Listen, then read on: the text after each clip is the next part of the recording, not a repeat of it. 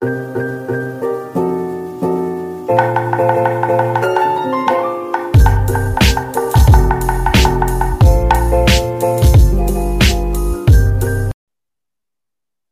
Sobat Kreaswana Hai, halo semuanya. Balik lagi nih ke segmen Pos Susu. Podcast suka-suka Medcraft bareng aku Sasa. Dan aku Cia yang akan nemenin kalian semua di episode kali ini Nah, kemarin kan udah ada rekomendasi film nih. Sekarang mau rekomendasiin Sobat Kreaswana apa lagi ya nih Cia? Jadi Sa, di episode Pos Susu yang kedua ini Kita mau rekomendasiin kalian buku-buku self-improvement Yang akan membuat kamu lebih berpikir kritis Mengevaluasi diri dan menjadi pribadi yang lebih positif Wah, gila, cocok banget nih Cia buat anak-anak muda sekarang nih, apalagi mahasiswa yang mau meningkatkan kualitas dirinya. Bener banget. Dan juga membaca itu merupakan salah satu kebiasaan orang kaya loh. Bener banget, karena dengan membaca buku kita juga akan mendapatkan banyak insight yang gak kita dapetin nih di internet. Nah, kayaknya biar nggak kelamaan, kita langsung mulai aja ke rekomendasi buku self-improvement yang pertama. Kalian pernah nggak sih ngerasa nggak didengerin ketika lagi bicara atau ngerasa kesulitan untuk ngungkapin maksud kalian ke orang lain?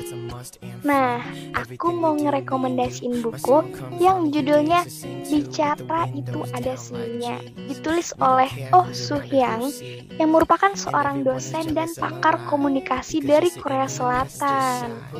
Dalam buku ini dijelaskan berbagai tips agar dapat berkomunikasi dengan baik.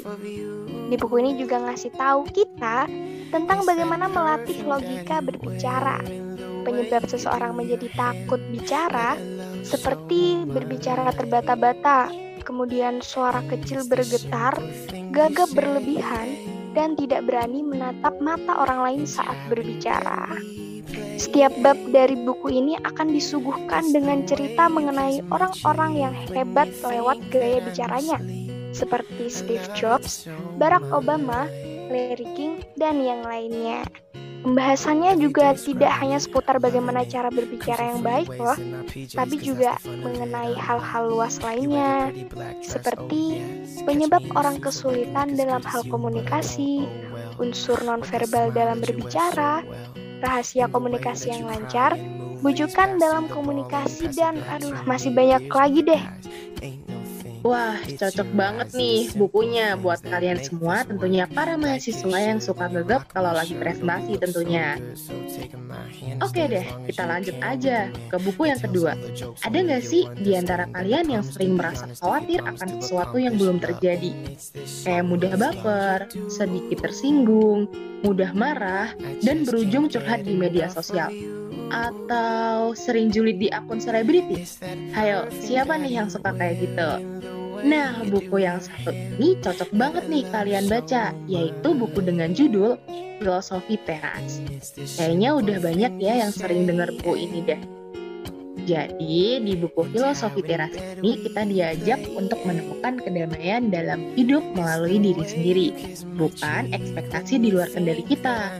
Gimana sih caranya mengatasi baper, mengatur emosi, dan cara menghadapi sebuah masalah dibahas semua di dalam buku ini. Nah, buku ini cocok banget nih buat sobat kreaswana tentunya yang ingin belajar bagaimana sih mengatur emosi atau reaksi diri sendiri. Walaupun buku ini judulnya filsafat, tapi buku ini ringan banget loh buat dibaca karena penyampaiannya menggunakan bahasa sehari-hari kita, serta diselingi dengan beberapa humor. Membuat jadi lebih mudah dipahami pesan dari buku ini simple but deep gitu deh pokoknya. Cocok dong ya Sa buat para kaum overthinking. Bener banget nih Cia, cocok banget buat kaum overthinking, apalagi di zaman medsos yang kayak menuntut kesempurnaan kayak gitu. Dengan baca buku ini jadi bisa ngerem kendali nih dalam pikiran kalian.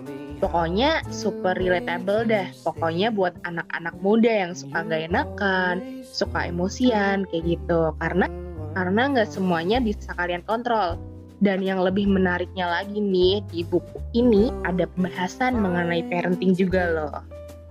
Wah, bener-bener cocok banget buat kalian para calon-calon orang tua nanti. Oke, kita move ke buku selanjutnya ya. Rekomendasi buku yang ketiga yaitu buku dengan judul Berani Tidak Disukai, karya penulis Jepang Ichiro Kishimi dan Fumitake Koga. Nah, buku yang satu ini cocok banget buat kalian para kaum-kaum overthinking yang susah berdamai sama diri sendiri karena harus memenuhi ekspektasi orang lain. Buku ini awal mula ditulis akibat adanya fenomena hikikomori di Jepang, yaitu semacam e, mengisolasi diri di kamar. Semua kegiatan dilakukan di kamar, dari makan, baca buku atau komik, nonton film, semuanya di kamar. Pada tahun 2016 aja, di Jepang ada sekitar 541 ribu orang yang terkena sindrom hikikomori berkisar antara umur 15 sampai 39 tahun. Banyak faktor yang mempengaruhi seseorang dapat mengalami hal tersebut, seperti mendapat tekanan dari orang tua, trauma akan masa lalu, ketak ketakutan akan berinteraksi dengan orang-orang yang memiliki ekspektasi tinggi terhadapnya, dan hal lain sebagainya yang mengganggu seseorang untuk menemukan kebahagiaan sejati di dalam hidupnya. Buku ini berupa percakapan antara seorang filsuf dan pemuda. Si pemuda tersebut sedang mencari arti dan makna kebahagiaan sebenarnya dalam hidup. Oleh karena itu, cara penulisan buku ini terkesan nyaman banget untuk dibaca. Buku ini terdiri dari lima bab utama yang berupa pertemuan antara si filsuf dengan pemuda. Setiap babnya memiliki subbab yang berisikan topik-topik yang dibahas dalam pembicaraan mereka. Buku ini berisi tentang bagaimana kita bangkit dari masa lalu dan menemukan kebahagiaan dengan penjelasan secara psikologi, menuntun kita untuk tetap menjadi diri sendiri dan tidak memperdulikan omongan negatif dari orang lain. Ada empat hal penting dari buku ini, yaitu yang pertama, jangan hidup untuk membahagiakan ekspektasi orang lain. Yang kedua, manusia tidak akan pernah bahagia jika tidak berasal dari dirinya sendiri. Yang ketiga, jangan berharap kesempurnaan, karena tidak ada manusia yang sempurna. Dan yang terakhir, dirimulah yang memutuskan gaya hidupmu, bukan orang lain. Waduh, Cia, gila mantep banget sih itu bukunya. Udah deh, yang suka overthinking overthinking kayak gitu, mending langsung cus dibeli bukunya gak sih?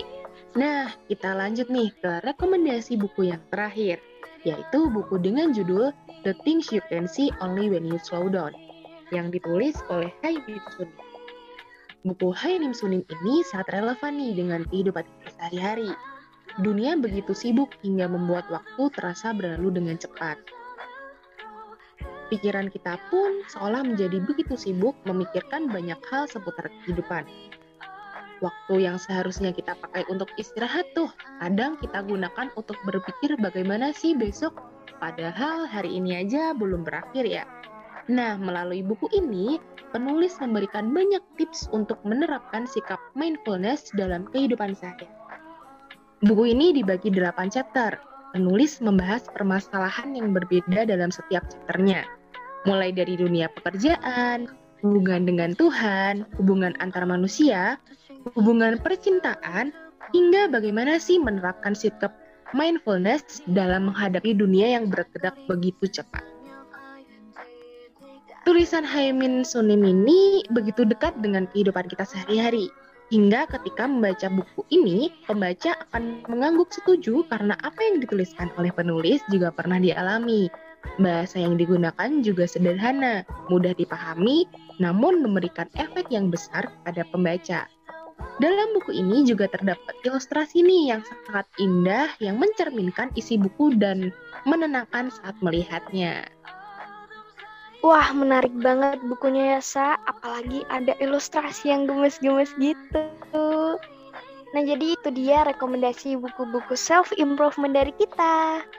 Ingat ya, kalau mau beli bukunya harus beli di toko buku official dan hindari bajakan untuk menghargai penulisnya. Bener banget tuh. Jangan beli buku bajakan ya Sobat Kriaswana. Kita harus menghargai penulis yang sudah dedikasiin waktu dan ilmunya untuk menulis buku yang sangat bermanfaat ini nih. Sebelum kita pamit undur diri, aku mau ngasih info dulu yang sangat penting. Buat teman-teman yang punya saran terkait konten podcast selanjutnya, bisa banget tuh langsung aja nggak sih DM ke Instagram at via UB. Dan jangan lupa di follow juga dong pastinya. Dan juga buat kalian yang gak mau ketinggalan tentang updatean konten-konten podcast kita selanjutnya, di follow juga podcast kita ini ya teman-teman. Terima kasih. Nah, sekarang waktunya kita pamit undur diri nggak sih? Terima kasih buat teman-teman yang udah dengerin podcast kita sampai akhir. See you, goodbye.